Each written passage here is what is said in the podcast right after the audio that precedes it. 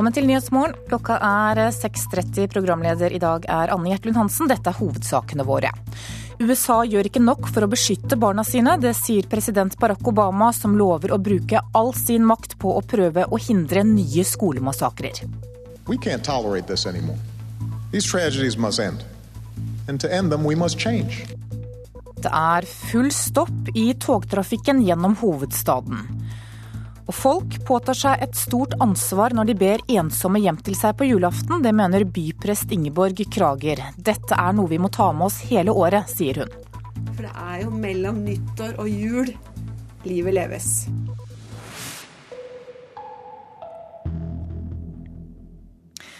USA må gjøre mer for å hindre nye massakrer. Det sa president Barack Obama i natt under minneseremonien for de drepte i skolemassakren i Newtown i Connecticut.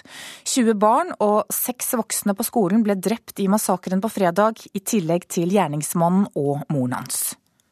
I can only hope it helps for you to know that you're not alone in your grief. Obama sier at Newtown har inspirert USA. Newtown, you are not alone. Historier om mot, kjærlighet og offer. Dere har passet på hverandre og vist omsorg. As a community, you've inspired us, Newtown. In the face of indescribable violence, in the face of unconscionable evil. Men Obama sier at nasjonen står overfor vanskelige spørsmål. We're not doing enough. And we will have to change. Dette er fjerde gang Obama som president kommer for å klemme på overlevende og trøste ofrenes familier etter skytemassakre. USA må endres, sier presidenten. Obama sier at han vil arbeide for å gjøre USA bedre, og antyder at han vil komme med forslag for å endre de omstridte våpenlovene. Han sier at ingen lov kan få slutt på meningsløs vold, men at det ikke må være unnskyldning for å gjøre et forsøk. Og Det blir mer om denne saken etter klokka sju her i Nyhetsmorgen. Reporter i Newtown var Anders Tvegård.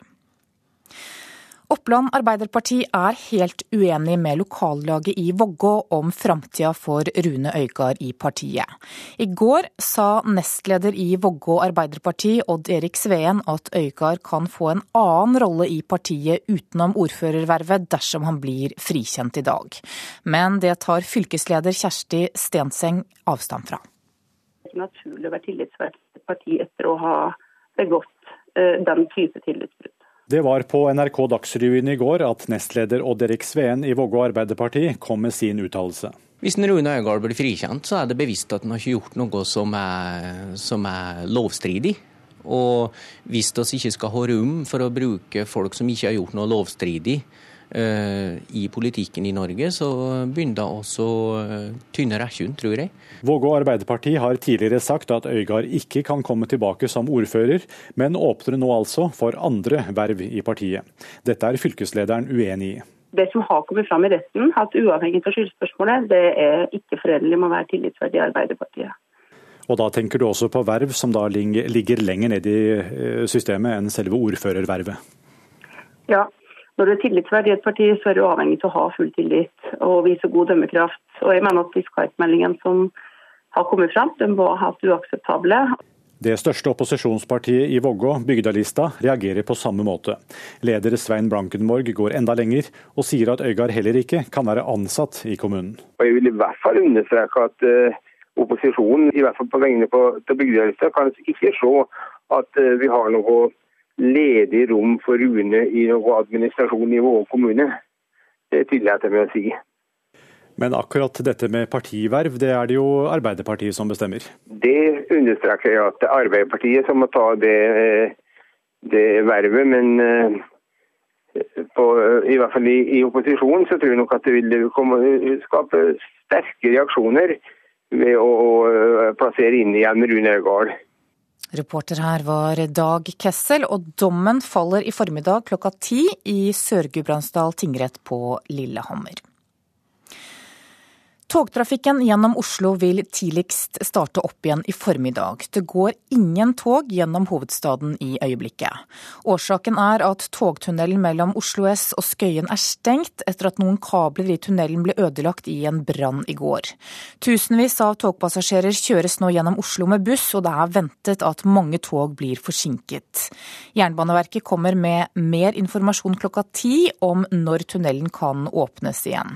Og pressekontakt Ragnhild Kjell Ågesen sier at de nå jobber på spreng for å løse problemet.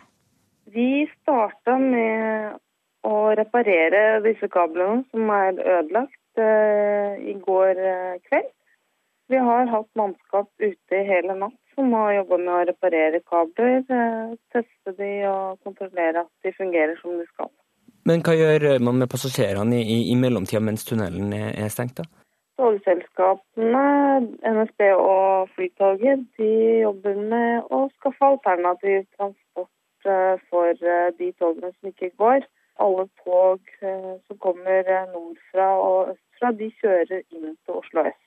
Togene vestfra de kjører til Skøyen, Drammen og Kongsberg. Og så vil det gå da eventuelt buss imellom.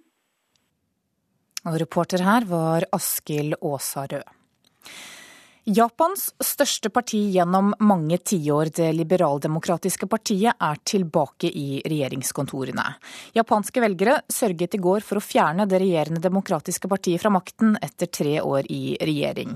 Og Asia-korrespondent Anders Magnus, hva er det velgerne har vært så misfornøyde med? De har vært utrolig misfornøyde med Det demokratiske partiet som har styrt nå eh, siden 2009. Eh, både fordi de ikke har klart å ordne opp i eh, økonomien i Japan, fordi de ikke har, var flinke nok under den store katastrofen i 2011, da det var tsunami, jordskjelv og atomulykke. Og også fordi de har vært svake i forhold til eh, konflikten med, Japan, nei, med Kina, selvfølgelig. Eh, så eh, disse tre tingene er nok det viktigste. Og så har det vært veldig mye rot i politikken. De har skiftet statsministre minst én gang i året. Så, så, politikken har kommet veldig miskreditt, noe man ser på valgdeltakelse, som var bare 59% denne gangen. Med statsminister Shinzo Abe tilbake, i hvilken grad kommer vi nå til å se et mer aggressivt Japan i denne konflikten som du nevnte med Kina? Det er ikke så eh, sikkert at det blir så aggressivt, men eh, mange mener at Shinzo Abe klarer å stå sterkere mot Kina. Men samtidig så har han eh, allerede sagt at han ønsker et bedre forhold til Kina. Og kanskje klarer han å få til det. Han er kjent som veldig pragmatisk, og selv om han har eh, mange konservative av velgerne bak seg som krever eh, en hardere linje mot Kina, så kan det godt være at han eh, nettopp med denne bakgrunnen kan klare å få til et bedre forhold til Kina ved at han er, har klare linjer og sier at her trekker vi grensen, men dette kan vi samarbeide om. Dette er et språk som kinesere ofte forstår. Hvilke andre forandringer er det håp om at denne nye regjeringen vil sørge for? Først og fremst i økonomien. Nå har eh, Shinzo Abe sagt at han vil eh, lette på pengepolitikken. Det betyr å trykke mer penger, og dermed håper han å få i gang en viss eh, inflasjon, altså prisstigning. Det har jo vært det motsatte i Japan i lang tid, at prisene har gått ned. Og så håper han at ved at staten bruker mer penger, så kan det komme i stand en mer sirkulasjon i økonomien, slik at, eh, at også de private næringsliv får mer å gjøre. Og det blir eh, mer eksport, mer jobber, og dermed får økonomien på fot igjen. Men selv om eh, mange av japanerne har vært misfornøyde, så har valgdeltakelsen vært rekordlav. Hva forteller det? Først og fremst eh, at eh, man ikke stoler lenger på at politikerne eh, gjør den jobben de er satt til. Dette er jo veldig lav valgdeltakelse i et land som Japan, hvor folk stort sett gjør sin plikt, som bl.a. er å stemme. Så det, det uttrykker en utrolig misnøye med politikerne. Og mange håper nå at eh, AB kan få i gang et bedre rykte politisk, men eh, på den annen side så har jo ikke hans parti hatt så veldig stor suksess tidligere på det området. Takk til deg, Anders Magnus. Libya stenger grensen til flere av nabolandene og har erklært sju regioner i sør som lukkede militærsoner. Grensene blir stengt for å stanse en strøm av smuglervarer og ulovlige innvandrere, ifølge en talsmann for nasjonalforsamlingen. Et parlamentsmedlem sier at det har vært en økning av narkotikasmugling, voldsepisoder og tilstedeværelse av væpnede grupper den siste tiden. Da skal vi ta en kikk på dagens aviser og se hva de har på forsidene sine i dag. Aftenposten forteller om en forsker som har vært vikar i staten i ni år. Arbeidsministeren vil ikke at private bedrifter skal kunne bruke midlertidige ansatte, men mener at staten må få gjøre det fordi statlige ansatte har så sterkt vern mot oppsigelser. Sørger over varslet tragedie er Dagsavisens overskrift med henvisning til skolemassakren i USA på fredag. I år er minst 48 mennesker blitt drept i skyteepisoder i USA, og avisas USA-korrespondent sier at USA trolig vil se flere skolemassakre før noen tør å stramme inn våpenlovene. Også Vårt Land fokuserer på de amerikanske våpenlovene. Siden 1998 er flere enn 100 elever og lærere skutt på amerikanske skoler. Samtidig er det ikke kommet noen endringer i lovverket når det gjelder våpen på 18 år. Her gjør du best kjøp, skriver VG, som har sjekket prisforskjellene på julemat og drikke i de store butikkjedene. Vinneren av realityserien Farmen preger forsiden av Dagbladet i dag. 19 år gamle Ingvild snakker bl.a. ut om fremtiden og modellyrket. Dagens Næringsliv skriver at hver fjerde handel innen selskapsgjeld ikke blir rapportert, ifølge Oslo Børs. Et meglerhus skal alene ha unnlatt å rapportere kjøp og salg av obligasjoner for til sammen 6 milliarder kroner. Økt press mot Norge, skriver Klassekampen. En ny rapport fra EU-kommisjonen legger frem en rekke forslag for hvordan Norge skal integreres enda tettere i EU gjennom EØS-avtalen. Nasjonen skriver at nordmenn er delt i synet på om det er greit å dumpe prisene på julemat. Og Bergensavisen har en gladsak i dag om en mann som fryktet at han måtte selge huset fordi han er plaget av leddgikt. Men nå har han funnet opp en egen snøplog for å få vekk snøen fra den private veien sin, så da kan han bli boende likevel.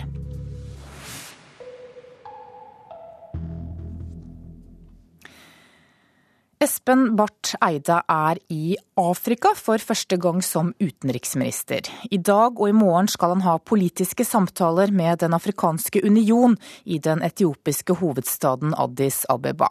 Og Barth Eide forteller hvorfor han valgte nettopp Addis Abeba for dette første besøket til det afrikanske kontinentet. Det gjør jeg fordi dette mer og mer fremstår som det vi kan kalle Afrikas hovedstad. Her er eh, Den afrikanske unions eh, hovedsete, og svært mye av det politiske og diplomatiske arbeidet på allafrikansk nivå skjer her i eh, Addis Abeba. Og Derfor så blir veldig mange av mine møter med og rundt Den afrikanske union, men knyttet til spørsmål som gjelder en rekke forskjellige land og områder på dette kontinentet. Ja, hva er formålet med dette to dager lange besøket? Ja, det er for det første viktig å eh, etablere nære bånd til den nye ledelsen her i Den afrikanske union, som har kommet inn eh, i, i løpet av de siste, eh, siste halvåret. Den afrikanske union har styrket seg ganske kraftig den siste tiden og, og blitt en organisasjon som prøver å ta mer ansvar for Afrikas egne utfordringer. Både de mange gjenværende konfliktene på kontinentet, men også den betydelige økonomiske veksten som nå en rekke afrikanske land ser. Og Det er i, i Norges interesse å være med i eh, de debattene de prosessene som skjer eh, også på dette kontinentet. Både fordi vi er med i en rekke konkrete samarbeidsområder, og fordi at eh, den veksten som skjer i Afrika også er av interesse for oss. Og I dag så møter du den tidligere sørafrikanske presidenten Thabo Mbeki. Hva skal dere snakke om? Vi skal snakke om de forhandlingene som nå pågår mellom Sudan og Sør-Sudan. Det er intense forhandlinger akkurat nå, eh, som har gått over helgen og skal fortsette i hvert fall til i morgen. Eh, og Vår rolle i dette er jo bl.a. å bidra til å finne løsninger på oljeproblematikken, der man altså kan få i gang igjen oljeeksporten fra Sør-Sudan gjennom Sudan. Den er jo nå stoppet opp. Eh, og selv om man for noen måneder siden trodde at disse problemene nå var eh, endelig løst, så er de altså ikke det. Eh, og det er ganske alvorlige spenninger nå igjen i forholdet mellom de to nå selvstendige landene. Knyttet til både grensespørsmål og sikkerhet, og da også oljeleveranse. Og I det med olje har vi hatt en ganske betydelig rolle. og Derfor er det viktig for meg å møte Tabo Mbeki, som leder Den afrikanske unions arbeid for å forsøke å få de to landene til å bli enige om en løsning. Og så skal du også møte Etiopias nye statsminister. Hva blir samtaletemaet da? Det er uh, å bli kjent med han. Uh, fordi at uh, vi jo, hadde jo i veldig mange år et, et godt forhold til Meles Zenawi, som var statsminister i Etiopia i veldig mange år.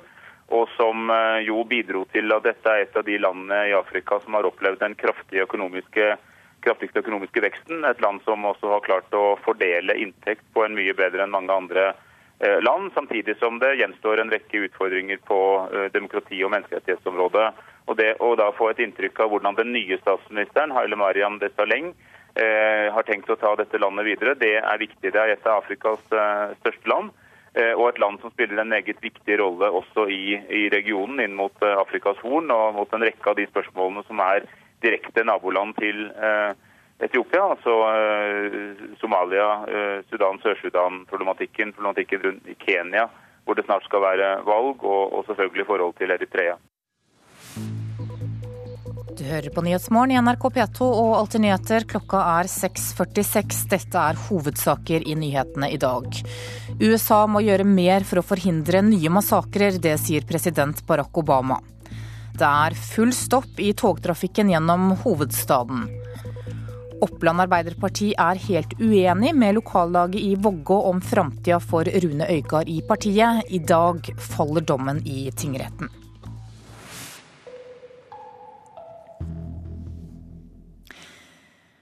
De norske håndballjentenes seiersrekke med fire strake europamesterskap ble brutt i går. Norge tapte EM-finalen for Montenegro med 31 mot 34 mål. Dette er sunt, både for sporten og Norge, det mener NRKs håndballekspert Øystein Havang. Altså Det samme laget kan ikke vinne hver gang, og en gang må den seiersrekken eh, brytes. Men seiersrekken rakk å bli imponerende før Montenegro i går slo Norge 34-31 i EM-finalen. Før det hadde de norske håndballjentene vunnet de fire foregående europamesterskapene, de to siste OL, og de er også regjerende verdensmestere. Jeg tror det egentlig kan bare være sunt jeg for uh, håndballen at man får et lag til nå som med, med sult, engasjement og, og, ferdigheter går fram og, og, og stjeler uh, gullet foran Norge. Jeg tror ikke det gjør noe mer enn at vi må gå litt i oss sjøl, evaluere og, og, bli enda bedre til neste gang. og Det vil bare utvikle håndballen, tror jeg. Også den danske håndballegenden Anja Andersen mener den norske gullappetitten trengte en vekker. Montenegro vinner fordi de er mer sultne.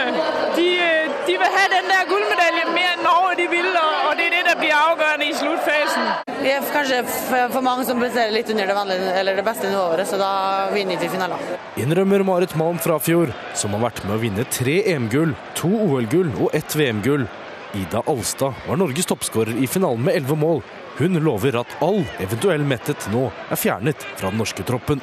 Selvfølgelig kjedelig å tape, men jeg uh, tror vi blir hevnlysten når vi kommer tilbake neste gang. Men jeg er ganske sikker på at vi skal um, trene ganske hardt uh, mot neste viktige kamper igjen. Og Norge må være sultne og skjerpet for å holde unna andre nasjoner de neste årene, mener Havang. Nå har vi jo sett at Danmark er på vei med et ungt lag. og og Russland vil kunne bygges opp igjen videre. Tyskland også, ikke minst, som også har hatt gode kamper. Så jeg tror at dette vil bare gi et ekstra puff til andre nasjoner som ser at Norge er eh, mulig å slå. Reporter her var Christian Myrseth. En helt ny teknologi for digital filmproduksjon skal testes ut i Grimstad. Vanligvis så blir virtuelle effekter og bakgrunn i filmen lagt på i redigeringen. Men med denne nye teknologien så får både skuespillere og regissøren se hvordan det blir mens de spiller inn. Nå er det jo bare en råholder her. Ja. Skal vi bygge opp et studio nå fremover. Filmarbeider Jon Mikael Puntervold og Håvard Espeland viser inn i en stor lagerhall rett utenfor Grimstad. Og eh, Akkurat nå står det bare ja, ett eh, grønt green screen-lerret her, men dette blir et eh, ganske stort eh, green screen-studio. Espeland er doktorgradsstudent ved Simula Research Laboratory på Fornebu, som har tatt initiativet til et europeisk forskningsprosjekt om digital filmproduksjon. Og så jobber vi med teknologi for å kunne visualisere eh, altså hvordan, altså virtuelle produksjoner, f.eks. med grønnskjermproduksjoner. Hvordan ting kommer til å se ut på settet. Eh, dermed så får man en slags inntrykk av hvordan, eh, hvordan ting kommer til å være allerede mens man står og filmer. Man kan se det på en skjerm f.eks. Teknologien gir skuespillerne mulighet til å agere på de virtuelle elementene. Skuespillerne kan manipulere dem, og elementene kan bli påvirka av skuespillerne. Alt blir vist i sanntid på skjerm, sånn at når regissøren ser inn i søker på kamera, så ser han hvordan bildet kommer til å bli etter at det er behandla, og ikke bare en grønn skjerm. Denne slags teknologi er, eh, det finnes ikke i Norge. Det er ikke noe som, eh, som er tilgjengelig. Det er eh, noe som brukes til en viss grad i, i store Hollywood-produksjoner, men, men det er ikke noe som brukes til vanlig. I Grimstad samarbeider Simula med utstyrsselskapet Equip og Jon Mikael Puntervold, som for tida bygger om en stor lagerhall utenfor sentrum til et grønnskjermstudio. Prosjektet skjer i samarbeid med flere etablerte filmproduksjonsselskaper og universiteter i Europa. Kirsten Bonén Rask ved Sørnorsk Filmsenter synes prosjektet er spennende. Green screen er jo bare en grønn bakgrunn, men her arbeider de med at lægge ind den rigtige baggrund, det der skal være på filmen virtuelt, ligesom de genstander og de rekvisitter, der skal bruges, bliver lavet virtuelt. Sådan at skuespillerne faktisk spiller med det, de skal spille med, og det ikke bare bliver lagt på bagefter. Man gjør eh, mer altså virtuelle kulisser og virtuelle kunstige ting er nødvendig i moderne film. Altså Se på de siste Hollywood-filmene med holdt på å si Gollum eller gudene vet hva man har med. så kan, det er ikke alt som skuespillere kan gjøre, og det er ikke alle steder man kan være. Eh, og da håper jeg at også norsk film eh, og norske produksjoner og nordiske filmer kommer til å ta i bruk slike ting fremover. Reporter her var Miriam Grov. Flere har invitert ensomme hjem til seg på julaften i år. Det innebærer et stort ansvar, det mener byprest Ingeborg Krager. For hva skjer etter at julematen er spist og pakkene åpnet? Cellekortet hadde du. Det har jeg. Ute er det tjukt i snø, men inne hos byprestene i Sandnes har Rune funnet varmen. Og fått dagens ladning med asfaltmagasiner han skal selge. Tror du selger alle i dag? Jeg vet ikke. Det er vanskelig i dag. Pga. vel snøen. Heldigvis nærmer det seg jul, noe Rune merker godt på folk. Jeg føler det. Jeg føler de er litt mer gamle. Ikke bare med lommebøkene har folk blitt litt rausere nå i førjulstida. Responsen har vært enorm etter at 88 år gamle Reidun la inn en annonse i Aftenposten hvor hun søkte selskap på julaften. Nå har Røde Kors i samarbeid med Aftenposten og VG starta Julesentralen, hvor folk tar kontakt om de enten ønsker selskap eller åpner dørene 24.12. Vi har et behov for å bety noe for hverandre. Og jeg tror at det gjør oss til ekte mennesker, som er viktig. Eh, så jeg tror at folk kjenner litt på å ja, kanskje jeg kan eh, bidra, kanskje jeg kan hjelpe. Eh, jeg kan åpne hjemmet mitt. Det mener byprest i Sandnes Ingeborg Krager. Men hun setter spørsmålstegn med hva som skjer etter julematen er spist og gavene åpna. Det som jeg kjenner litt på, da, det er jo at jeg skulle ønske og at dette var noe som vi hadde med oss hele året. For det er jo mellom nyttår og jul livet leves. Krager presiserer at tiltaket er kjempeflott, men ber folk tenke nøye gjennom ansvaret de tar på seg. For i verste fall kan det gjøre vondt verre for noen. Noen av den gjengen som jeg jobber med, trenger ikke flere nederlag enn de allerede har.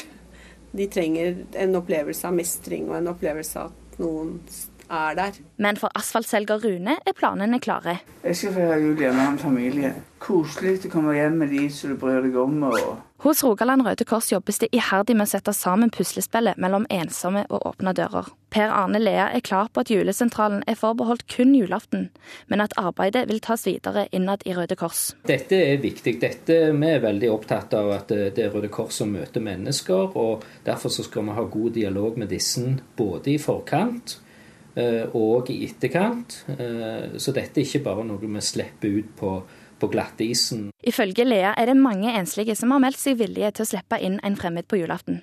Kanskje de òg sitter med en liten ensomhet i, i magen og ser faktisk dette som en, en, mulighet. Hvordan julaften blir for de 900 som har meldt seg, blir spennende å se, og vil føre veien videre. Det, nå jobber vi intensivt med å koble disse, og så håper vi virkelig at de alle får en riktig trivelig julaften. Før den tid skal Rune ut for å selge asfalt, men han har alltid et sted å komme tilbake til. Ok, da snakkes vi. Snakkes, Rune. Ja, ha det. Vær forsiktig. Ja, det skal jeg gjøre. Så kommer du innom igjen og får deg noe varmt. Ja. Reporter her var Ragnhild Aas Harbo.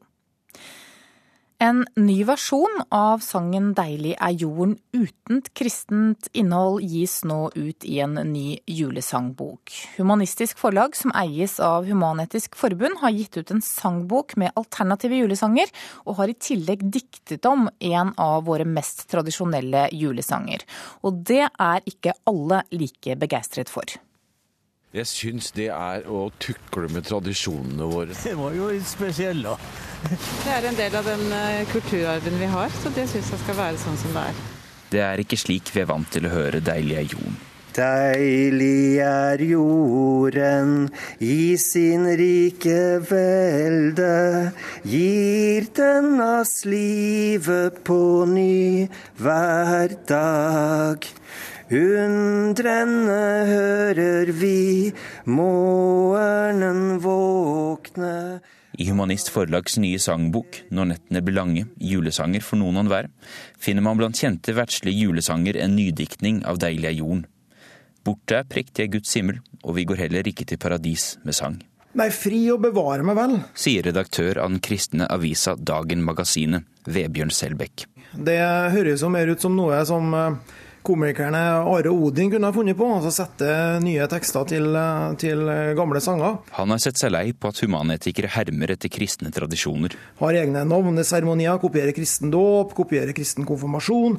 Og nå sandler meg så skal man også kopiere de kristne julesangene. Hvor er kreativiteten? Kan man ikke finne på noen ting sjøl? Tore Sivertsen er redaktør for sangboka, og står selv for teksten til den verdslige varianten av Deilig er jorden. Jeg ble inspirert av akkurat de tre ordene i Ingemanns salme 'Deilig er jorden'. Det er ikke noe annet jeg har beholdt. Jeg har skrevet en ny sang om jorda. Og jeg syns det har vært skrevet altfor få lyriske sanger til jorda vår. Altså, jorda vår er fantastisk. Sivertsen mener det er et stort behov for sekulære julesanger. Og i en sekulær jul hører også 'Deilig er jorden' med. Jeg er en ordentlig juleromantiker. Jeg er veldig glad i jula. Samtidig så er jeg ateist. Og det er greit å synge julesalmer når du gjør det hensyn til kristne mennesker som er med, men i en familie hvor ingen er kristne, så kjennes det litt rart. Knut Erik Tveit, kulturrådgiver i Oslo bispedømme, ser ikke helt behovet for en sekulær utgave av den kjente salmen. Tveit har ikke noe imot at det lages nye utgaver av salmer, men reagerer på at Human-Etisk Forbund anbefaler sangboka til bruk i skolen. Jeg syns at den hovedmotivasjonen, å retusjere bort alt som har med en gudsdimensjon, som om det skulle være skadelig for en oppvoksende slekt, det er ganske besynderlig. Reporter her var Andreas Lindvåg. Da skal vi se på et værvarsel som gjelder til midnatt. Fjell i Sør-Norge kan vente seg liten østlig eller sørøstlig kuling i vest. Skyet snø av og til, særlig i østlige områder fra Finse og sørover. Lengst nord og nordvest i fjellet stort sett oppholdsvær og gløtt av sol. Østlandet skyet, litt sludd eller snø av og til, særlig i vestlige områder. Til dels regn nær kysten. Fra i ettermiddag eller kveld stort sett oppholdsvær, først i øst. Telemark kan vente seg skyet vær i dag. Sludd eller snø av og til. Regn i lavereliggende områder nær kysten. I kveld minkende nedbør, lokal tåke vesentlig i høyden. Agder økende østlig eller nordøstlig bris, til dels liten kuling på kysten. Regn og sludd. Snø i indre og høyereliggende områder. Mest nedbør i sørøstlige områder. Lokal tåke, særlig i høyden. Rogaland og Hordaland av og til liten sørøstlig kuling på kysten sør i Rogaland. Enkelte regnbyger, nedbør som sludd eller snø i høyereliggende strøk. Fra i ettermiddag stort sett oppholdsvær. Sogn og Fjordane skyet eller delvis skyet, stort sett oppholdsvær. Møre og Romsdal oppholdsvær og perioder med sol. Trøndelag skyet eller delvis skyet, utrygt for litt snø i grensestrøkene, for øvrig oppholdsvær. Nordland og Troms stort sett opphold og til dels pent vær.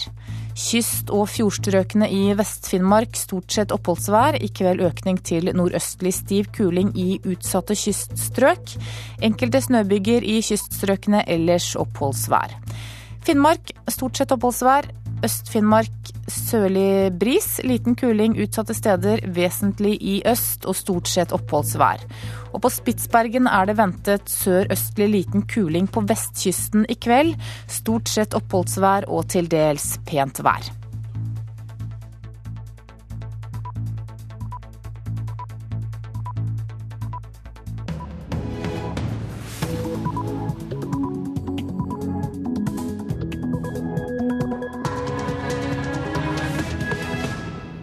Klokka er sju. Du lytter til Nyhetsmorgen med Anne Jetlund Hansen. I studio her er en nyhetsoppdatering. USA må endres for å unngå nye massakrer. Det sa USAs president under minneseremonien i natt for de drepte i skolemassakren i Connecticut. We can't tolerate this anymore. These tragedies must end. And to end them, we must change. Familievold koster samfunnet opp mot seks milliarder kroner i året. Flere tusen kvinner og barn lever daglig i stor frykt for grove voldshandlinger. For det er dyrt, veldig dyrt, når mor ikke kommer seg på jobb etter å ha blitt slått helseløs med et strykejern. Når åtteåringen som må høre på dette senere skal komme til å falle ut av skolesystemet. Og det koster for krisesentre, politi og barnevern. Oppland Arbeiderparti er helt uenig med lokallaget i Vågå, som vil gi Rune Øygard en stilling i partiet dersom han blir frikjent. Da har han ikke gjort noe lovstridig, sa nestleder i Vågå Arbeiderparti Odd Erik Sveen i går. Hvis Rune Øygard blir frikjent, så er det bevisst at han har ikke gjort noe som er lovstridig. Folkeavstemningen i Egypt var preget av juks og må holdes på nytt. Det mener flere menneskerettighetsgrupper. Og det er full stopp i togtrafikken gjennom hovedstaden. Togtrafikken vil tidligst starte opp igjen i formiddag.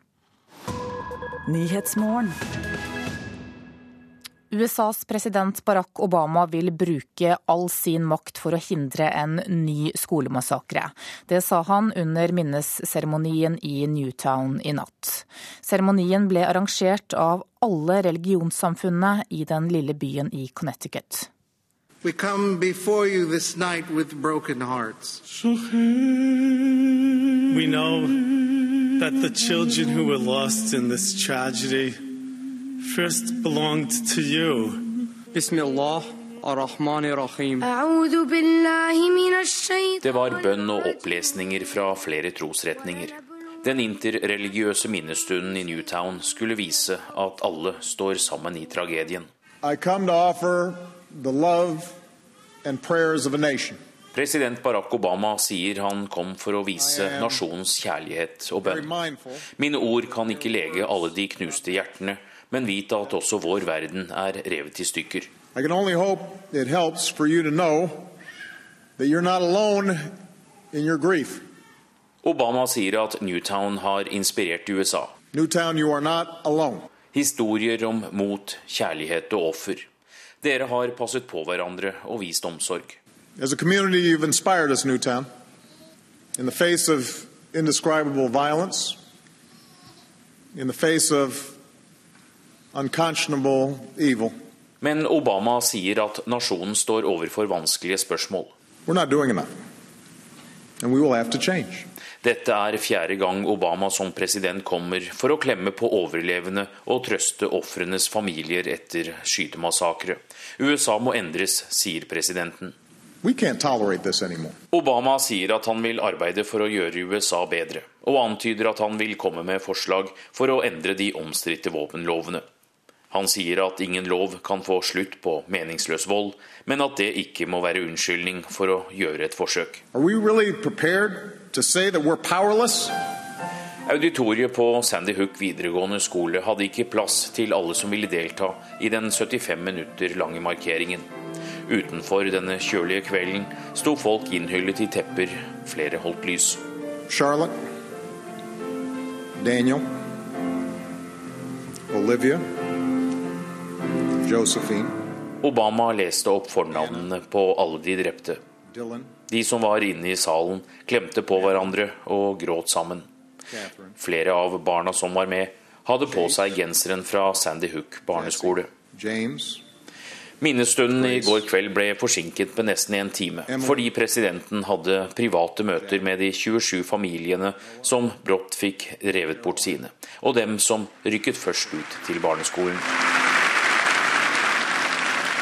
Politiet ble møtt med applaus da de kom inn i auditoriet. Tidligere på dagen hadde det blitt kjent at de trolig har spart mange liv ved å rykke raskt ut.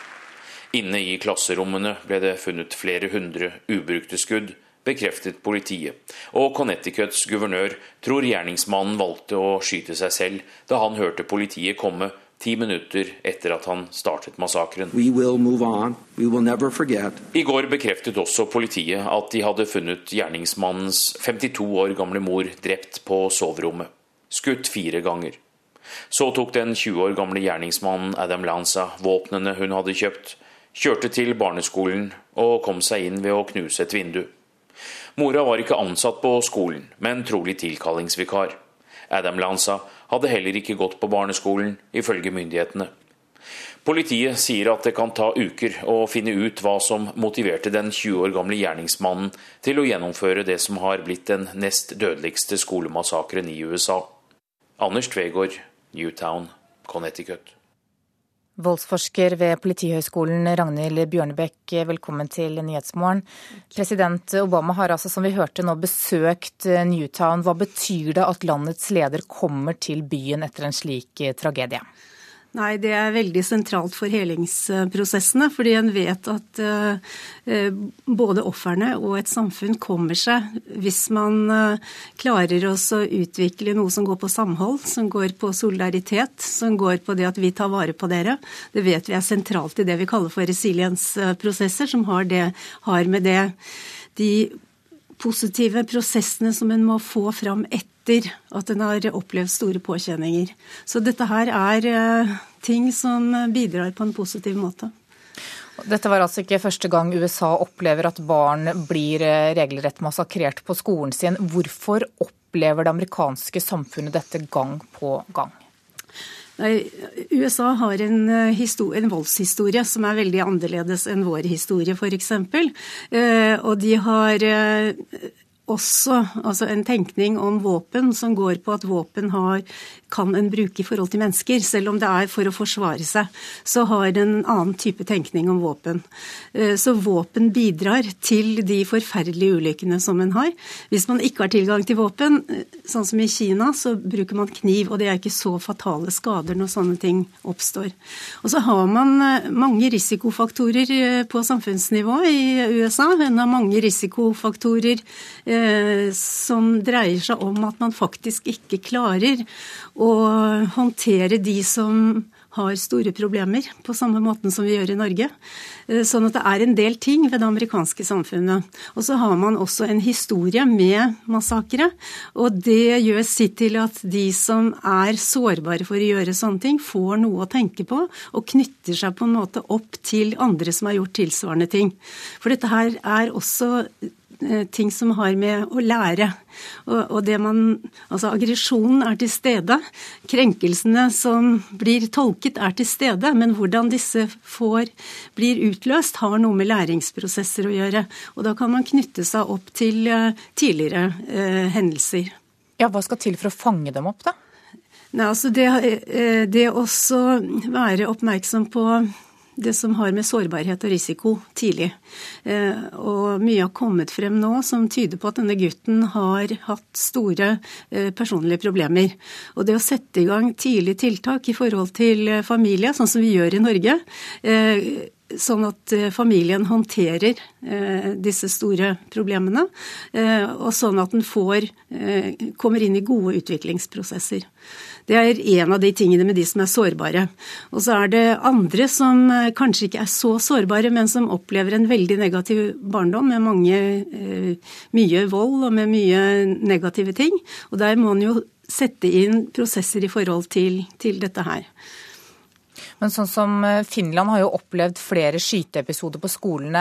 Er grunnen til at vi ikke har opplevd det i Norge at vi fanger dem opp eh, holdt jeg på å si, underveis, de som eventuelt kunne vært i stand til å gjøre noe sånt? Altså, Vi kan aldri si aldri i Norge heller. Det kan være personer med så store interne problemet, vi har sett det med Anders Behring Breivik, eh, at de kommer til uttrykk. Så er, av og til kan det være vanskelig å, å, fange opp. Men Finland har en helt annen historie med vold, med krig, med, med eh, borgerkrig. Eh, de har eh, også mye større problemer med vold i samfunnet. Drapsfrekvensen i Finland er mye høyere enn i Norge. Og de har hatt en våpenlov som er mye mer liberal enn det Norge har har hatt. Sånn at det er noen forskjeller. Og det var på en måte ikke overraskende at uh, massakren kom i Finland, uh, og ikke i Norge f.eks. Takk til deg, Ragnhild Bjørnebekk. Familievold koster samfunnet opp mot 6 milliarder kroner i året. For første gang har Justisdepartementet fått en prislapp på fysiske overgrep i hjemmene. Mange tusen kvinner og barn lever daglig i stor frykt for grove voldshandlinger. Du går aldri ytterst på fortauet, du går alltid lengst inn mot husveggen.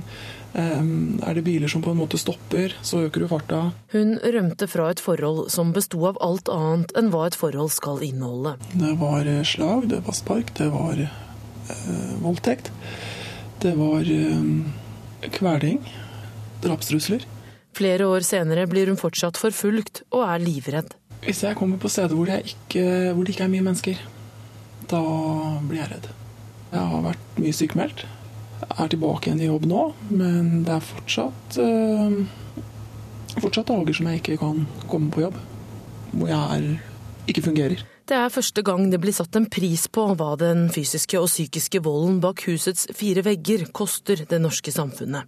For det er dyrt, veldig dyrt, når mor ikke kommer seg på jobb etter å ha blitt slått helseløs med et strykejern, når åtteåringen som må høre på dette senere skal komme til å falle ut av skolesystemet, og det koster for krisesentre, politi og barnevern. Rapporten fra Vista Analyse sier ca. 6 milliarder kroner. Justisminister Grete Faremo sier at det var på høy tid at en slik undersøkelse kom. Det sier noe om at denne type vold er kanskje noe som vi eh, har eh, vært redde for. Eh, og ta fram i lyset, og derfor heller ikke har sett omfanget av. Og nå lover hun en skjerpa innsats, spesielt med tanke på forebygging. Vi skal legge fram eh, en melding til Stortinget om vold i nære relasjoner i vår, og vil invitere Stortinget til en diskusjon om hva vi kan gjøre bedre. Og at eh, for å kunne forebygge godt, må vi jobbe sammen med andre, slik at både når det gjelder helseministerens eh, melding om folkehelse, og den arbeidsinnsatsen eh, min kollega arbeidsministeren gjør for et trygt eh, arbeidsliv, er viktig. Det koster for samfunnet, men kostnaden for en dårligere livskvalitet får ingen satt en prislapp på. Du går ikke de samme stedene, du reiser ikke de samme stedene. Um, handler ikke de samme stedene. Um, sover ikke alltid hjemme. Jeg har flere steder å sove. Så det er, det er min hverdag nå. Reporter her var Ellen Borge Christoffersen. Oppland Arbeiderparti er helt uenig med lokallaget i Vågå om framtida for Rune Øygard i partiet. I går sa nestleder i Vågå Arbeiderparti at Øygard kan få en annen rolle i partiet utenom ordførervervet dersom han blir frikjent i dag. Men det tar fylkesleder Kjersti Stenseng avstand fra. Det er ikke naturlig å være tillitsvalgt i et parti etter å ha begått eh, den type tillitsbrudd. Det var på NRK Dagsrevyen i går at nestleder Odd Erik Sveen i Vågå Arbeiderparti kom med sin uttalelse. Hvis Rune Øygard blir frikjent, så er det bevisst at han har ikke gjort noe som er lovstridig. Og hvis vi ikke skal ha rom for å bruke folk som ikke har gjort noe lovstridig i politikken i Norge, så begynner det også eh, tynne rekkjun, tror jeg. Vågå Arbeiderparti har tidligere sagt at Øygard ikke kan komme tilbake som ordfører, men åpner nå altså for andre verv i partiet. Dette er fylkeslederen uenig i. Det som har kommet fram i retten, at uavhengig av skyldspørsmålet, det er ikke forenlig med å være tillitsverdig i Arbeiderpartiet. Og dommen faller klokka ti i formiddag. Nye personvernregler kan føre til at de med aller svakest økonomi mister viktig pengestøtte etter nyttår. De nye reglene gjør at Husbanken må innhente skriftlig samtykke fra alle som får støtte til boutgifter. Nesten to uker etter at svarfristen gikk ut, mangler de fortsatt underskriften til hver tredje mottaker, eller rundt 35 000 personer. Jeg var innlagt på sykehuset fem uker, så jeg kom hjem for to dager siden. så Derfor fikk jeg ikke svart innen fristen. Og Da lå det et brev og venta på deg i postkassa? Det gjorde det. Brevet som lå i postkassa til Evi Pedersen i Oslo, og til 116 000 andre bostøttemottakere over hele landet, kom fra Husbanken. Fordi det fra 1.1 kommer nye personvernregler, har Husbanken i høst måttet be om skriftlig samtykke fra alle som får bostøtte. Nesten to uker etter at fristen gikk ut, mangler de fremdeles underskrifter til rundt 35 000 mottakere, forteller en uroa husbankdirektør Bård Øystensen. Det kan få den konsekvensen at de eh, mister bostøtteutbetalingen sin for januar. Det er svært alvorlig for disse husholdningene her. Disse husholdningene trenger bostøtta for å kunne greie å håndtere boutgiftene sine. Så dette eh, syns vi er bekymringsfullt. Det er de med aller svakest økonomi som har krav på bostøtte i utgangspunktet. Og derfor kan konsekvensene bli store dersom pengene ikke kommer som de skal på nyåret. Hva er forklaringa, tror du, på at såpass mange ikke har svart dere ennå? Ja, det kan være mange grunner. Jeg vil tro at noe har sammenheng med at, eh, at husholdningene har flyttet uten å melde fra om eh, flytting. Det kan også være personlige egenskaper knytta til at de vegrer seg mot å åpne post i det hele tatt. Eh, og det kan være store språkproblemer. Vi vet jo at eh, en fjerdedel av bostøttemottakerne er førstegenerasjons innvandrere. Eh, og det kan være andre grunner til det. Noen kan også kanskje lure på hva dette egentlig er for noe, være litt engstelige for å samtykke. Det kan hende at vi kommer i den situasjonen at her er vi nødt til å ringe rundt til hver enkelt husholdning for å sjekke ut hva det er som er grunnen til at de ikke returnerer brevet. Og til og med kanskje banke på dørene? Ja, Det skulle ikke forundre meg om vi også må gjøre det. Husbanken har nå sendt ut purring, og lover at alle skal få penger også i det nye året hvis de svarer på brevet så snart som mulig, selv om den opprinnelige fristen nå altså har gått ut. Da må de umiddelbart ta kontakt med kommunen sin, slik at de får oppretta en god dialog og komme fram til hva som kan være årsaken til at de ikke vil svare. Jeg er ikke helt ferdig til julen, det har jeg ikke, men jeg har begynt å begynne. Ja. Juletre kommer etter hvert. Evi Pedersen sliter med lungesykdom og orker ikke så mye. Men to ting er nå på stell etter sykehusoppholdet. Julepynten og svarbrevet til Husbanken. De sa at det var i orden, sånn, så nå håper jeg på det. Jeg krysser fingra. Eh, for det er veldig viktig for å få betalt husleia si hver måned. regninger, det er veldig, veldig viktig. Og det sa Evy Pedersen. Reporter var Ellen Sporstøl. Du hører på Nyhetsmorgen. Klokka er 7.17. Dette er hovedsakene våre. USA må gjøre mer for å forhindre nye massakrer. USA må endres, sier president Barack Obama etter skolemassakren i Connecticut. Familievold koster Norge opp mot 6 milliarder kroner i året. Og flere menneskerettighetsgrupper mener folkeavstemningen i Egypt var preget av juks og må holdes på nytt.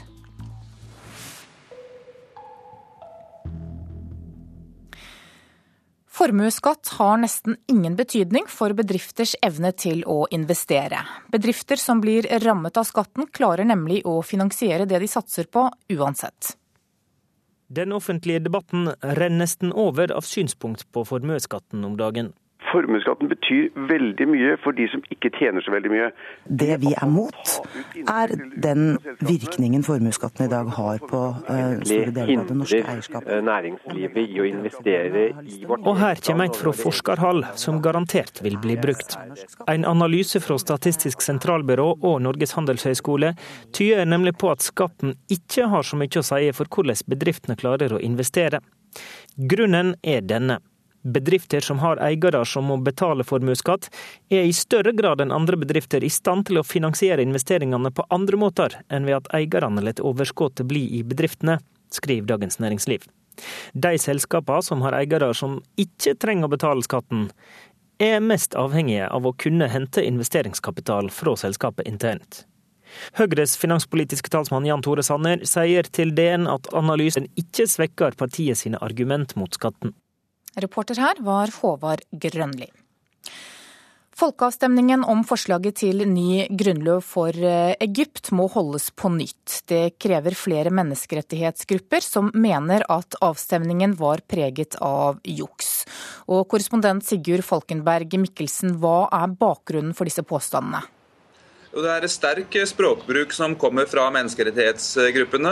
Eh, lederen for Cairo Institute of Human Rights, Bahi Eldin Hassan, holdt en pressekonferanse i går sammen med flere andre grupper, hvor han sa at eh, trass eh, revolusjonen vår, så var dette en folkeavstemning som under Mubarak.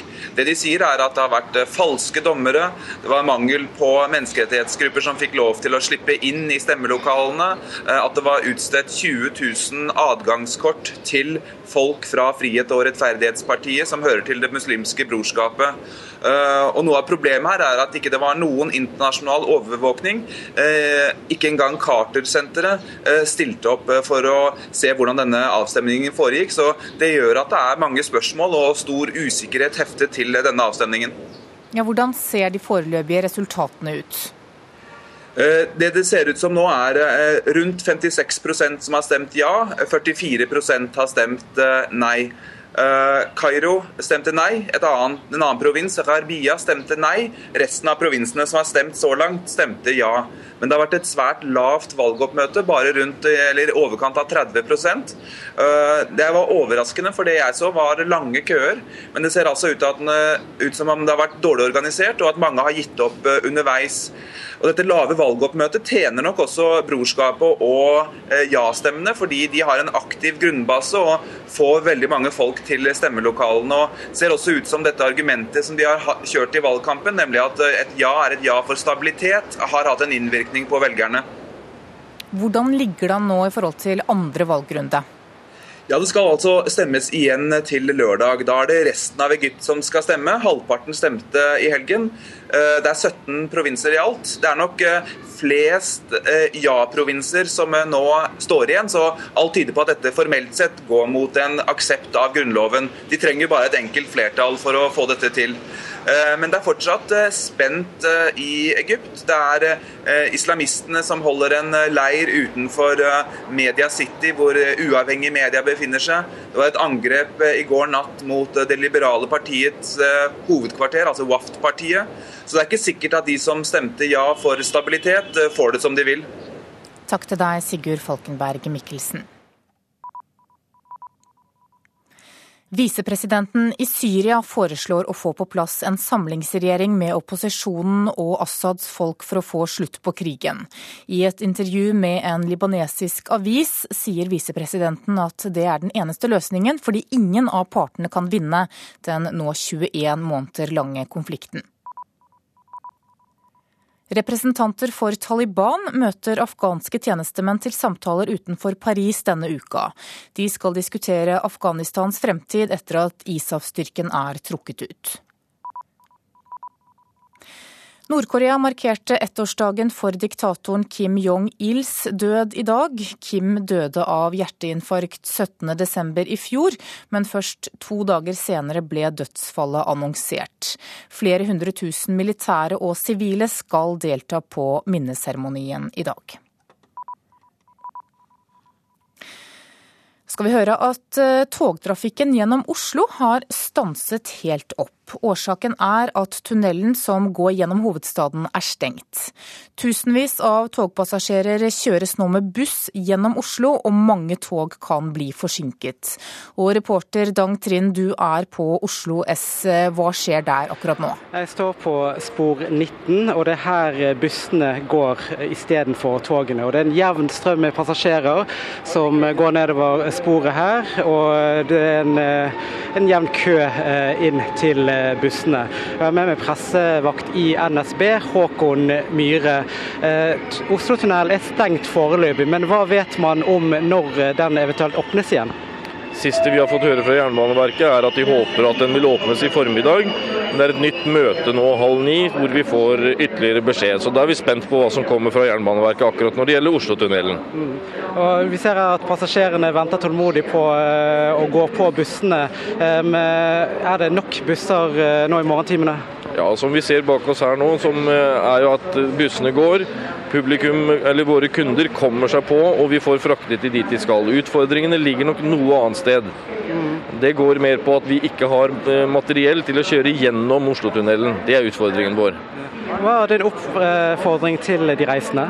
Ja, oppfordringen til, reis, til, våre reisende er så langt det lar seg gjøre, komme seg inn på nsb.no, sjekke rutetider, avganger, se hva slags informasjon som ligger. Og så gjør vi vårt ytterste for å levere tog så nærme Oslo S som mulig i morgenrushet. Mm. Det er bare én uke siden eh, NSB sammen med Ruter her i Oslo-området gikk sammen om eh, det de kalte for en reiserevolusjon. Eh, hvordan ser du på det som har oppstått nå i dag? Reiserevolusjonen består jo. Det som skjer i dag er en hendelse. Det er en brann i en tunnel med røykutvikling som forårsaker dette. Så dette har ingenting med reiserevolusjonen å gjøre. Dette er rett og slett noe som vi må håndtere. Eh, akkurat som om vi skulle krasje med bilen. Så der er vi. Så takk til deg, Håkon Myhre i NSB. Eh, Jernbaneverket kommer tilbake med mer informasjon om når Oslo-tunnel åpner klokken ti reporter Dang Trind som var med fra Oslo S. Da skal vi ta en kikk på dagens aviser og se hva de har på forsidene sine i dag. Aftenposten forteller om en forsker som har vært vikar i staten i ni år. Arbeidsministeren vil ikke at private bedrifter skal kunne bruke midlertidig ansatte, men mener at staten må få gjøre det fordi statlig ansatte har så sterkt vern mot oppsigelser. Sørger over varslet tragedie er Dagsavisens overskrift, med henvisning til eh, skolemassakren i USA på fredag. Avisas USA-korrespondent sier at landet trolig vil se flere skolemassakre før noen tør å stramme inn våpenlovene. Også Vårt Land fokuserer på de amerikanske våpenlovene. Siden 1998 er flere enn 100 elever og lærere skutt på amerikanske skoler. Samtidig er det ikke kommet noen endringer i våpenlovene på 18 år. Her gjør du best kjøp, skriver VG, som har sjekket prisforskjellene på julemat og drikke i de store butikkjedene. Vinneren av realityserien Farmen preger forsiden av Dagbladet i dag. 19 år gamle Ingvild snakker ut om bl.a. fremtiden og modellyrket. Nasjonen skriver at nordmenn er delt i synet på om det er greit å dumpe prisene på julemat.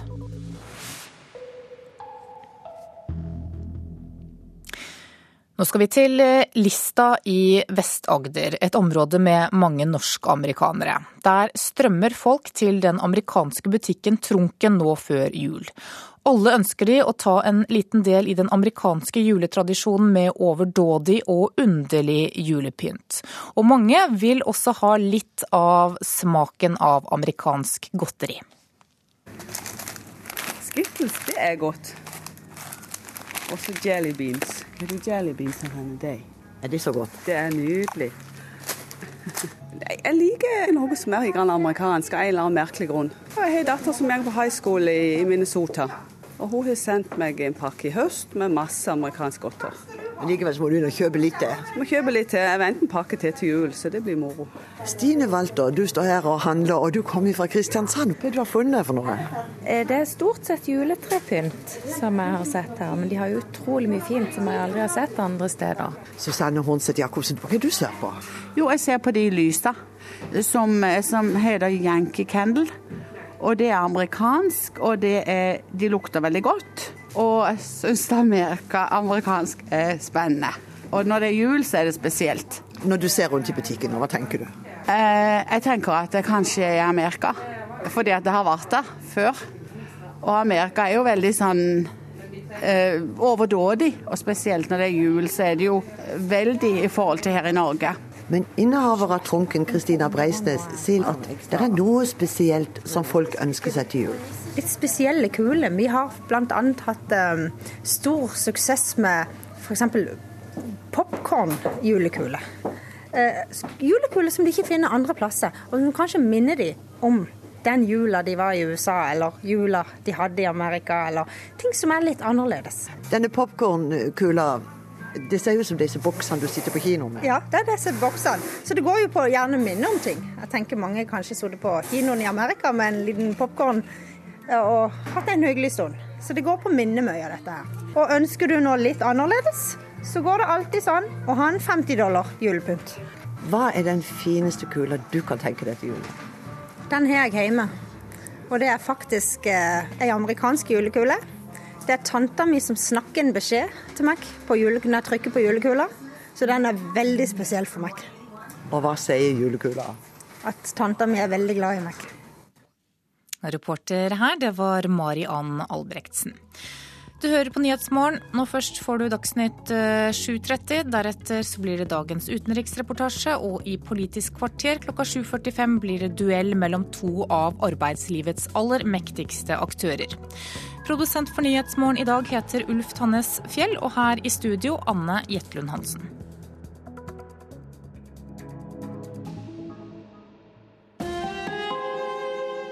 Hør ekko. Tygg på dette paradokset. I årevis har forskerne lett etter genene som gjør deg homo. Forgjeves. Likevel vet de at homoseksualitet er arvelig, iallfall et stykke på vei. Hør Ekko. Ekko 9 11 i NRK P2.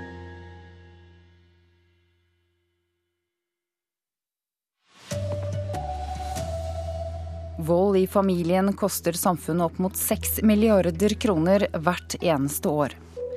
De første ofrene etter skolemassakren i USA begraves i dag.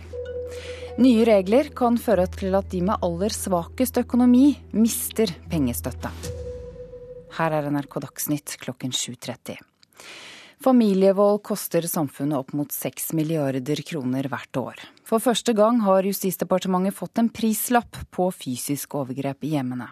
Mange tusen kvinner og barn lever i stor frykt for grove voldshandlinger. Det var eh, slag, det var spark, det var eh, voldtekt. Det var eh, kveling, drapstrusler. Hun rømte fra et forhold som besto av alt annet enn hva et forhold skal inneholde. Jeg frykta for livet mitt. Flere år senere blir hun fortsatt forfulgt og er livredd. Jeg har vært mye sykemeldt. Er tilbake igjen i jobb nå, men det er fortsatt, uh, fortsatt dager som jeg ikke kan komme på jobb. Hvor jeg er, ikke fungerer. Det koster samfunnet dyrt når mor ikke kommer seg på jobb etter å ha blitt slått helseløs med et strykejern, når åtteåringen som må høre på dette, senere ikke klarer å konsentrere seg på skolen. Det koster for krisesentre, politi og barnevern. Rapporten Vista Analyse har gjort for Justisdepartementet, viser for første gang prisen av familievolden. Og det var på høy tid, sier justisminister Grete Faremo. Det sier noe om at denne type vold er kanskje noe som vi eh, har eh, vært redde for eh, å ta fram i lyset, og derfor heller ikke har sett omfanget av. Og nå lover hun at innsatsen, spesielt med tanke på forebygging, skal bli bedre. Vi skal legge fram en melding til Stortinget om vold i nære relasjoner i vår, og vil invitere Stortinget til en diskusjon om hva vi kan gjøre bedre. Det koster for samfunnet, men tapet av et levelig liv får ingen satt en prislapp på. Du går aldri ytterst på fortauet, du går alltid lengst inn mot husveggen. Er det biler som på en måte stopper, så øker du farta. Reporter Ellen Borge Christoffersen. I dag begraves tre av barna som ble ofre i skolemassakren i USA.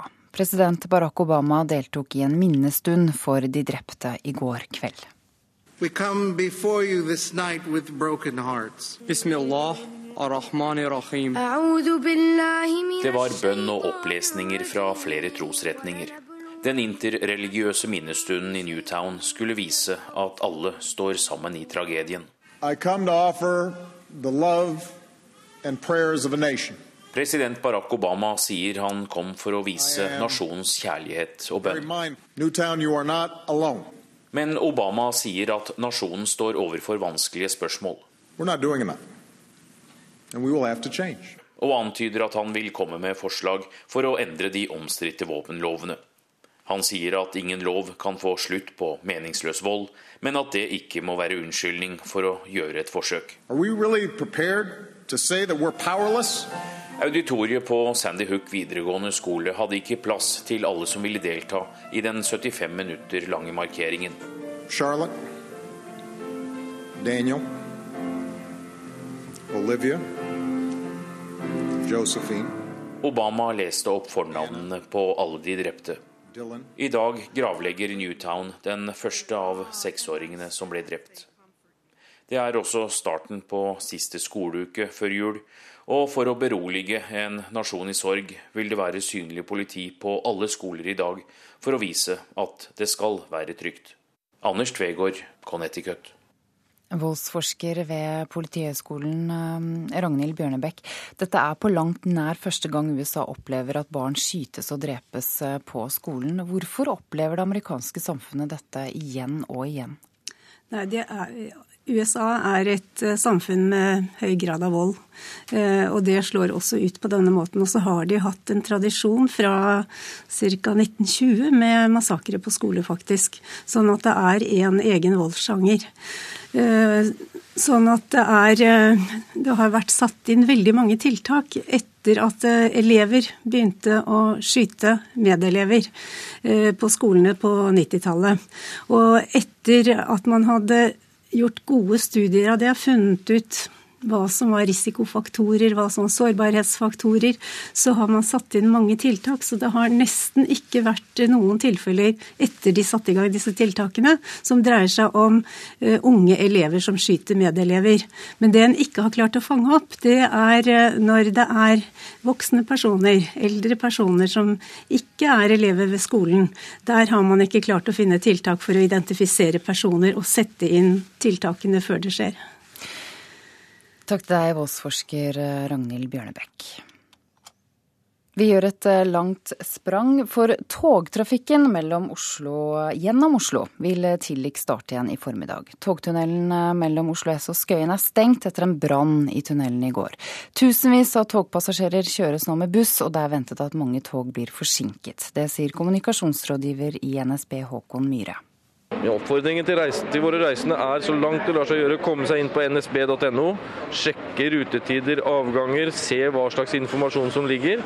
Og så gjør vi vårt ytterste for å levere tog så nærme Oslo S som mulig i morgenrushet. Jernbaneverket kommer med mer informasjon klokken ti om når tunnelen kan åpnes igjen. Nye personvernregler kan føre til at de med aller svakest økonomi her til lands mister viktig pengestøtte fra januar. De nye reglene gjør at Husbanken må innhente skriftlig samtykke fra alle som får støtte til boutgifter. Nesten to uker etter eh, at svarfristen gikk ut, mangler de fortsatt underskriften til hver tredje mottaker, eller rundt 35 000 personer på landsbasis. Jeg var innlagt på sykehuset i fem uker, så jeg kom hjem for to dager siden. så Derfor fikk jeg ikke svart innen fristen. Og Da lå det et brev og venta på deg i postkassa? Det gjorde det. Brevet som lå i postkassa til Evy Pedersen i Oslo, og til 116 000 andre bostøttemottakere over hele landet, kom fra Husbanken. Fordi det fra 1.1 kommer nye personvernregler, har Husbanken i høst måttet be om skriftlig samtykke fra alle som får bostøtte. Nesten to uker etter at fristen gikk ut, mangler de fremdeles underskrifter til rundt 35 000 mottakere, forteller en uroa husbankdirektør Bård Øystensen. Det kan få den konsekvensen at de eh, mister bostøtteutbetalingen sin for januar. Det er svært alvorlig for disse husholdningene her. Disse husholdningene trenger bostøtta for å kunne greie å håndtere boutgiftene sine. Så dette er, eh, syns vi er bekymringsfullt. Det er de med aller svakest økonomi som har krav på bostøtte i utgangspunktet, og derfor kan konsekvensene bli store dersom pengene ikke kommer som de skal på nyåret. Det kan hende at vi kommer i den situasjonen at her er vi nødt til å ringe rundt til hver enkelt husholdning for å sjekke ut hva det er som er grunnen til at de ikke returnerer brevet. Reporter Ellen Sporstøl. Klokken ti i dag faller dommen i overgrepssaken mot tidligere Vågå-ordfører Rune Øygard. I går sa nestleder i Vågå Arbeiderparti, Odd Erik Sveen, at eh, Øygard kan få en annen rolle i partiet utenom ordførervervet dersom han blir frikjent. Fylkesleder i Oppland Arbeiderparti, Kjersti Stenseng, tar avstand fra dette. Det som har kommet fram i retten, at uavhengig av skyldspørsmålet, det er ikke forenlig med å være tillitsverdig i Arbeiderpartiet. Når du er tillitsverdig i et parti, så er du avhengig av å ha full tillit og vise god dømmekraft. Og jeg mener at fiskalitmeldingen som har kommet fram, den var helt uakseptable. Alexander Hetland hylles etter at han i går tok Norges andre VM-gull i svømming gjennom tidene. Svømmepresident Per Rune Eknes er veldig imponert over hvordan Bærum-svømmeren har kommet tilbake etter mange nedturer det siste året. Ja, dette er vanvittig, vanvittig sterkt, fordi han, han, har holdt på så lenge og har vært et tøft år for han. Dette er en av de store øyeblikkene i norsk svømming. Slik beskriver svømmepresidenten Alexander Hetlands VM-gull på 50 meter bryst i går. Norges andre VM-gull gjennom tidene, sju måneder etter dødsfallet til Hetlands bestekamerat Alexander Dale Oen. Ja, mye. Han er, han er en tøffing. Like etter bestekameratens dødsfall i april ble det klart at Hetland ikke klarte å kvalifisere seg til OL. At 29-åringen i kortbane-VM i Tyrkia, hans aller siste mesterskap, derfor kommer tilbake og leverer karrierebeste, imponerer også hovedpersonen selv. At jeg skulle slå en først, jeg, jeg fatter det ikke. Det, det er ja, det er helt sykt. Og da er det helt greit å gi seg nå, og starte en ny karriere med bakgrunn i mastergraden i økonomi og markedsføring. Jeg tenkte bare at uh, jeg har hatt en bra karriere, og jeg er veldig fornøyd med det jeg har oppnådd hittil. Og hvis jeg kunne få en medalje nå, så hadde det vært helt kanon. Er dette en mann dere har råd til å tape? Nei, vi har ikke råd til å tape han, men da må han ta avgjørelsen på sjøl. Det sa svømmepresident Per Rune Eknes til reporter Christian Myrseth. Ansvarlig for Dagsnytt-sendingene denne morgenen er Sven Gullvåg. Teknisk ansvarlig Per Ivar Nordahl. Jeg heter Ida Creed. Nyhetsmål fortsetter. Vi skal til Nord-Irland, der bensinbombene nok en gang flyr gjennom lufta, denne gangen pga. et flagg. Snart to uker etter at bystyret i Belfast vedtok å ta ned det britiske flagget fra rådhuset, så er byen preget av daglig vold, trusler og demonstrasjoner. Igjen smeller det i Belfasts gater. De siste to ukene har følelser og sinne tatt overhånd hos opprørske unionister i Nord-Irland. Fyrverkeri mot politi, 29 skadde politifolk.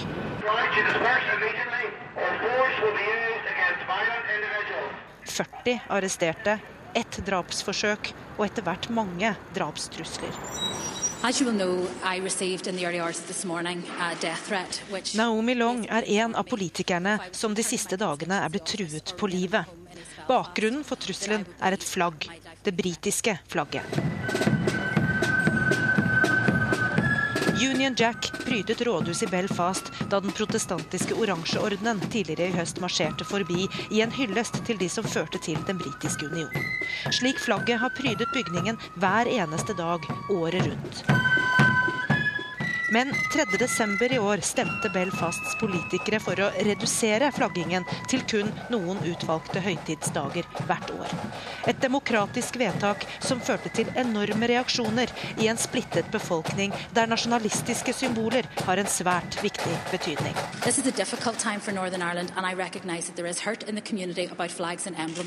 Dette er en vanskelig tid for Nord-Irland, sier Naomi Long, som sitter i det britiske parlamentet for det nordirske alliansepartiet. Det var hennes parti som sikret flertall for å ta ned Union Jack fra rådhuset i Belfast. Det er hun og hennes partikolleger de sterke følelses- og voldsutbruddene har gått særlig utover. Grace had Um, Michael Bauer hadde akkurat lagt datteren sin da han plutselig hørte et smell utenfor vinduet. Han løp opp på barnerommet for å sjekke at jenta var ok, før han og kona Christine løp ut og sjekket hva som hadde skjedd. Det var en malingsbombe denne gang, men hva blir det neste, spør paret seg. De tilhører begge alliansepartiet i Belfast og er nå redde for sine og datterens liv. Samtidig er de stolte over å ha bidratt til det vanskelige og etter deres mening nødvendige flaggvedtaket. of what the Belfast City Councillors have done over recent days. It would have been very easy to step back uh, and just go with the crowd. Motsetningsforholdene i Nord-Irland er ofte fremstilt som religiøse. Det er katolikker mot protestanter. Der katolikker generelt støtter et gjenforent Irland, mens protestantene støtter den britiske union. En ny undersøkelse viser derimot at det er ikke så enkelt. Det siste tiåret har antall nordirer som ser på seg selv som kristne protestanter, gått tilbake 5% til 48% Mens katolikkene har økt med 1% til 45% altså nesten like mange på begge sider.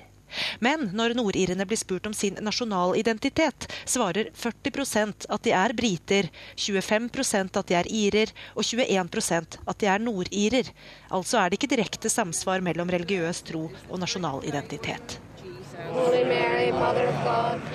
Men det er ingen tvil om at identiteten knytter seg opp mot symboler. Da bystyret i Belfast fattet sitt flaggvedtak, stormet horder av unionister bygningen. De bar alle sine Union Jack-flagg i protest mot at flagget på rådhuset tas ned. Protester er blitt til voldelige opptøyer. Opptøyer til drapsforsøk mot en politikvinne og drapstrusler mot demokratisk valgte politikere. Og det sa vår korrespondent Gry Blekastad Almås. Klokka har passert 7.44. Eh, Hovedsaker i Nyhetsmorgen nå er at familievold koster Norge opp mot 6 milliarder kroner i året. USA må endres for å hindre nye massakrer, det sier president Barack Obama etter skolemassakren på fredag. Og Formuesskatten har nesten ingen betydning for bedrifters evne til å investere. Og i Politisk kvarter nå så blir det toppduell, programleder Line Tomter. To av arbeidslivets aller mektigste er på plass i studio, dypt uenige om hva som tjener deg og meg som arbeidstakere. Vi venter at i hvert fall én av dem ser rødt i dagens sending.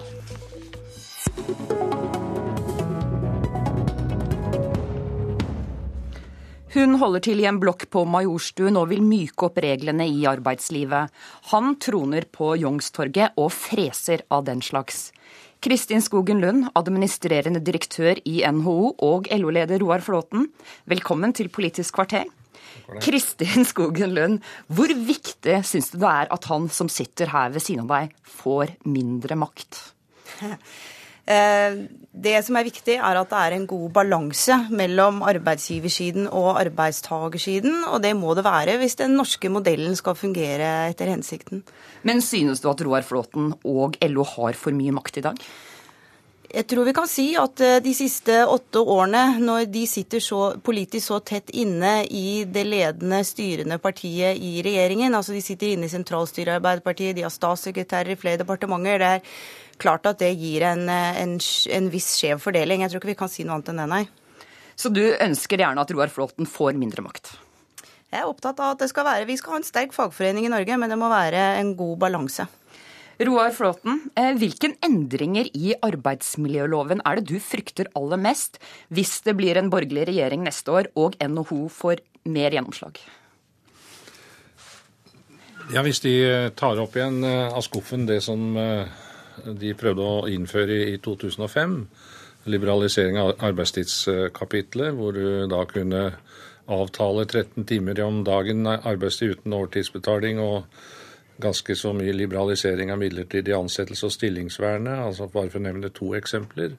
Så er det klart at uh, hvis de tar opp den av skuffen Og det er jo det som signalene nå går på, at det er jo de innenfor de områdene de vil mjuke opp, og med støtte også fra dere arbeidsgiversida. Så det er klart det er provoserende for oss hvis de velger den politikken. Kristin Skogen Lund, hva er det dere vil velge som viktigste sak eh, for å påvirke ved en eventuell borgerlig regjering? Altså, vi, vi, er opptatt av flere ting, men eh, når vi snakker om dette med, ja, med, med, arbeidsmiljøloven, så er det jo ikke sånn at vi skal velte om på hele den og plutselig sette arbeidstageres eh, trygghet i fare. Det handler ikke om det i det hele tatt. Det handler om å gjøre noen nødvendige justeringer fordi vi har fått et helt annet arbeidsliv. Eh, etter hvert, som krever større fleksibilitet. Og jeg er veldig opptatt av å få fram at dette vil også være i arbeidstagernes interesse. De aller fleste arbeidstakerne ønsker jo også en større grad av fleksibilitet for å kunne tilpasse arbeidet sitt sin egen virkelighet. Altså Mange har ansvar for barn annenhver uke etc., etc. Ting har forandret seg. Og det er også stor variasjon i arbeidslivet. F.eks. så er det bare lov til å jobbe annenhver søndag. En god del studenter ønsker å jobbe hver søndag. Da bør de kanskje få lov til det, og da kan de til og med frita en del av de som absolutt ikke vil jobbe på søndager, fra å måtte jobbe f.eks. hver tredje eller hver fjerde søndag, som de faktisk kan pålegges. Så dette er også til eh, alles fordel. Men er det å jobbe hver søndag den viktigste saken dere vil jobbe for dersom det blir et regjeringsskifte? Nei, men det er litt viktig å få fram at når vi snakker om oppmyking av en arbeidsmiljølov som vi mener er for rigid, så er det den type ting vi snakker om. Vi snakker om noen små justeringer. Vi snakker ikke om å hive hele det, Norge, hele det, det, det norske arbeidslivet på båten. Det har jeg et behov for å få fram. Eh, det snakkes her om små justeringer, sier Kristin Skogen Lund. Eh, hvorfor kan ikke du være med på at små justeringer også kan være positivt for arbeidslivet, Roar Flåtten?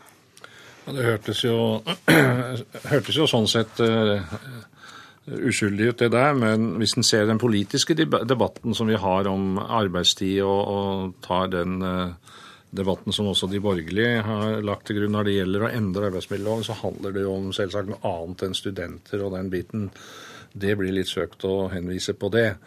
Men det som bekymrer meg, det er jo at uh, hvis man har fulgt med arbeidstidsutviklinga i Norge den seinere åra, uh, så har det skjedd en revolusjon i hvordan arbeidstidsordninger har uh, blitt godkjent innenfor innstillingsretten, bl.a., som organisasjonene har.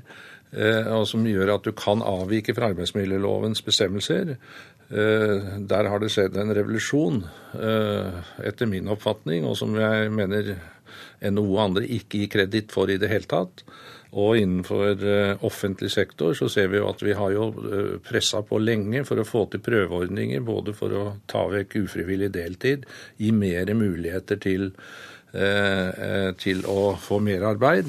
Og Det betyr at alle disse prøveordningene har jo da utfordra eh, de tradisjonelle turnusordningene og sånn. Og der er det, det er jo vi som har pusha på for å få til det, i samarbeid også med arbeidsgiverorganisasjonen i det offentlige sektor.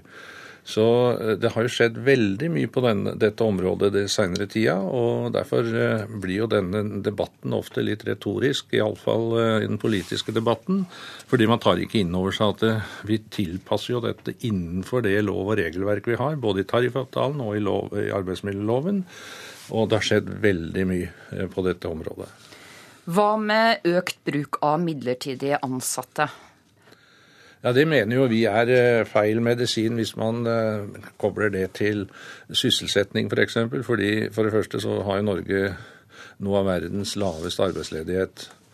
Eh, vi har opp mot 300 000 allerede som er midlertidig ansatte. Og vi veit at åpning for mer midlertidig ansettelse, det rammer kvinner, det rammer ungdom. Det rammer også de som står utenfor arbeidslivet, som skal inn i arbeidslivet. Og vi mener jo det er en myte at det skal liksom hjelpe folk inn i arbeidslivet i enda større grad. Det kommer til bare å bli mer forskjeller, og det er iallfall en medisin som ikke vi ønsker. Vi hører her at Roar Flåten sier at mer bruk av midlertidig ansatte er feil medisin. Hva synes du, Kristin Skoglund? Nei, Det er jeg uenig i, og jeg har lyst til å si to ting om det. For at De senere årene så har vi hatt en utvikling i arbeidslivet som er, eh, som er fin. Det betyr at vi har, fått, altså vi har, fått, økt rettigheter rundt fødselspermisjoner, seniorer har rett til redusert arbeidstid. Vi prøver å få flere inkludert i arbeidslivet ved gradert sykemelding. Mange delvis utføre, uføre skal vi prøve å få inn i arbeidslivet. Og, noen, og mange ønsker også faktisk å jobbe deltid. Og Dette er positivt, men det er veldig krevende for arbeidslivet å tilpasse all denne fleksibiliteten. Vi har har økt fleksibiliteten på vår, på vår, side for å imøtekomme dette her, men vi føler jo ikke at vi blir møtt med tilsvarende eh, økt eh, fleksibilitet fra, fra andre siden. Og så er det altså sånn at når det gjelder midlertidige stillinger, så er det godt, så er det ikke bevist at det øker sysselsettingen totalt i arbeidsmarkedet. Men det Statistisk sentralbyrå har bevist, det er at midlertidige ansettelser det fungerer som et godt springbrett for utsatte grupper, som særlig er da lavt utdannede og unge mennesker som vi virkelig trenger å få inn i arbeidslivet. Så vi mener jo igjen at dette er noe som vil gagne samfunnet som sådan, og ikke minst de mest sårbare arbeidstakerne vi har. Hva slags forventninger har du til at det vil åpnes for økt bruk av midlertidige ansettelser? Ansatte dersom det blir et regjeringsskifte? Jeg har jo håp om at det kommer en fornuftig endring av det. Altså, vi, vi må jo finne gode løsninger som gjør at vi fortsatt har et, et sunt og forsvarlig arbeidsliv, men at det er god rom for en oppmyking av arbeidsmiljøloven innenfor det. Det er jeg helt trygg på, og det tror jeg også at de borgerlige partiene ser. Og de har også vært ganske tydelige på det så langt i programmene sine. Eh, det er vel naturlig at LO anbefaler medlemmene sine å stemme rød-grønt ved stortingsvalget neste år. Hvor naturlig syns du det er eh, Roar Flåten, at også Kristin Skogen Lund kommer med en anbefaling til sine medlemmer? Nei, Jeg registrerer at du, hun eh, ønsker regjeringsskifte og går i spann og høyre når det gjelder en del av arbeidslivspolitikken. Og det, det kan jo i, i, neste omgang også skape et uh, mye tøffere klima i arbeidslivet. For det er det noe som vi kommer til å kjempe imot, så er det iallfall eh, en retning hvor uh, midlertidig ansettelse skal bli mer vanlig i forhold til å være fast ansatt. Vi veit hvilken grupper det der kommer til å ramme. Det rammer de svakeste, det rammer ungdommen, og det kommer til å i enda større grad skape et A- og B-lag. Det vil ikke vi eh, være med på. Vi vil ikke ha det sånn. Og det er også på andre områder, selvsagt, hvis den politikken skal gjennomføres, som gjør at eh, klimaet kan bli mye tøffere, ja. Vil du anbefale dine medlemmer å stemme f.eks. av Høyre, Venstre eller Frp? Altså NHO, i motsetning til LO, så er vi politisk nøytrale. Vi støtter ikke en spesiell fløy eller et spesielt parti, men vi eh, argumenterer eh, bedriftenes og næringslivets interesser når det gjelder enkeltsaker. Og nå har det seg sånn at mange av de sakene som er veldig viktige for oss opp mot dette valget, der har de borgerlige eh, vist en bedre, eller viser til en bedre politikk eh, som bedre ivaretar de interessene. Det er derfor vi har argumentert rundt enkeltsaker og vært også tydelig på å tatt hva skal jeg si, parti for de borgerlige i noen av disse sakene. Eh, jeg har f.eks. vært mer enig med venstresiden når det gjelder dette med pappapermisjon. Altså NHO og jeg har vært mer enig med venstresiden når det gjelder pappapermisjon f.eks., men akkurat nå er ikke det den store saken. og Derfor så er det eh, en del av de viktige debattene som pågår nå, og vi ser at de borgerlige har en bedre politikk. Hva med endring i sykelønnsordningen? Hvor viktig er det å få til, syns du? Ja, Nå skal vi inn i en, eh, en fornyelse av IA-avtalen til eh, høsten, så jeg har ikke lyst til å forskuttere den debatten nå. Men det er en veldig viktig debatt, og den kommer vi til å høre mer om utover. Er det en debatt vi må ta, syns du? Det er, en, eh, det er en veldig viktig debatt for hele det norske samfunnet og for det norske arbeidslivet, ja. Det hersker litt sånn uklarhet hva som egentlig skjer med sykelønna dersom vi får et regjeringsskifte. Hva tror du, Roar Flåtten? Ja, det er eh, i høyeste grad usikkert, fordi eh, de borgerlige partiene uttaler seg for så vidt forskjellig. Men vi ser jo at bare i eh, skyggebudsjettene så kommer de med innstramninger og forslag til endringer både sykelønn og arbeidsledighetstrygden, hvis en ser de tre partiene samla, altså Høyre, Frp og Venstre. Så eh, i høyeste grad usikkert hva de i reelt sett mener. Og for oss er jo sykelønnsordningen eh, ganske så viktig. Jeg eh, håper jo selvsagt, og vil jo iallfall anbefale NHO å, å legge stor vekt på å kunne fortsette denne trepartsavtalen som jeg mener er helt unik i internasjonale sammenheng. Og nå ser vi også at sykefraværet går nedover, og vi har også prioritert dette med å inkludere. Eh, mange av de som står utenfor, inn i arbeidslivet. Men det betyr jo også at arbeidsgiverne må ha positive holdninger til å bidra, sammen med myndighetene og sammen med oss i dette trepartssamarbeidet. Så er det noe som jeg mener virkelig er verdifullt. Og så er det én ting som jeg, jeg, mener i den debatten om arbeidstid og alt dette, så er det den, den påstanden om at vi har så lite fleksibilitet i det norske samfunn. Det er jo, for å si det mildt, fullstendig feil. Når vi ser hva slags arbeidstidsordninger vi har innenfor eh, industrien, innenfor helsesektoren, alle som jobber helkontinuerlig, døgnkontinuerlig, skift eh, Tenk på bare når vi setter oss til julemiddagen og skal eh, spise julemat, hvor mange er som er på arbeid for at samfunnet skal fungere den dagen, bare som et eksempel. Vi må innom formuesskatten også til slutt. I dag så står det i DN at formuesskatten har minimal betydning for bedriftens evne til å finansiere investeringer, ifølge en fersk analyse fra SSB og Handelshøyskolen.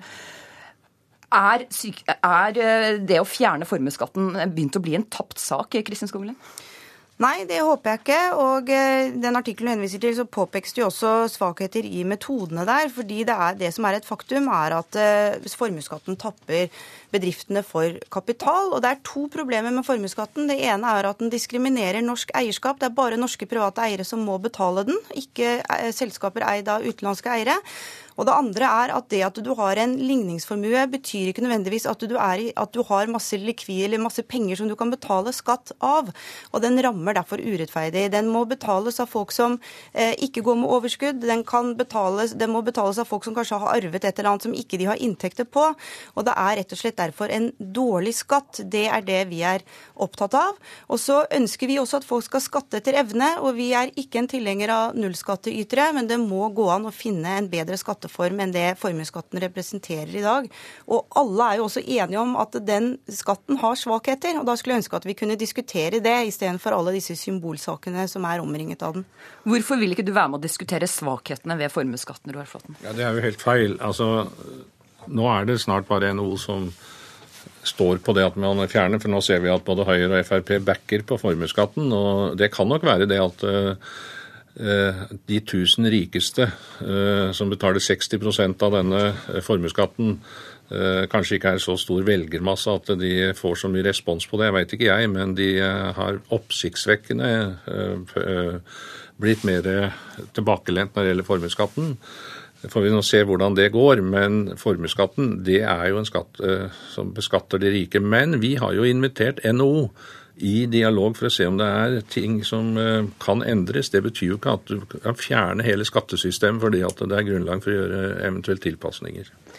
Ja, Vi hører her at eh, LO ønsker å gå inn i dialog med næringslivets hovedorganisasjon. Det var alt vi rakk i dag. Tusen takk for at dere kom hit, administrerende direktør i NHO Kristin Skogen Lund og LO-leder Roar Flåten. Politisk kvarter mandag er over. I studio satt Line Tomter.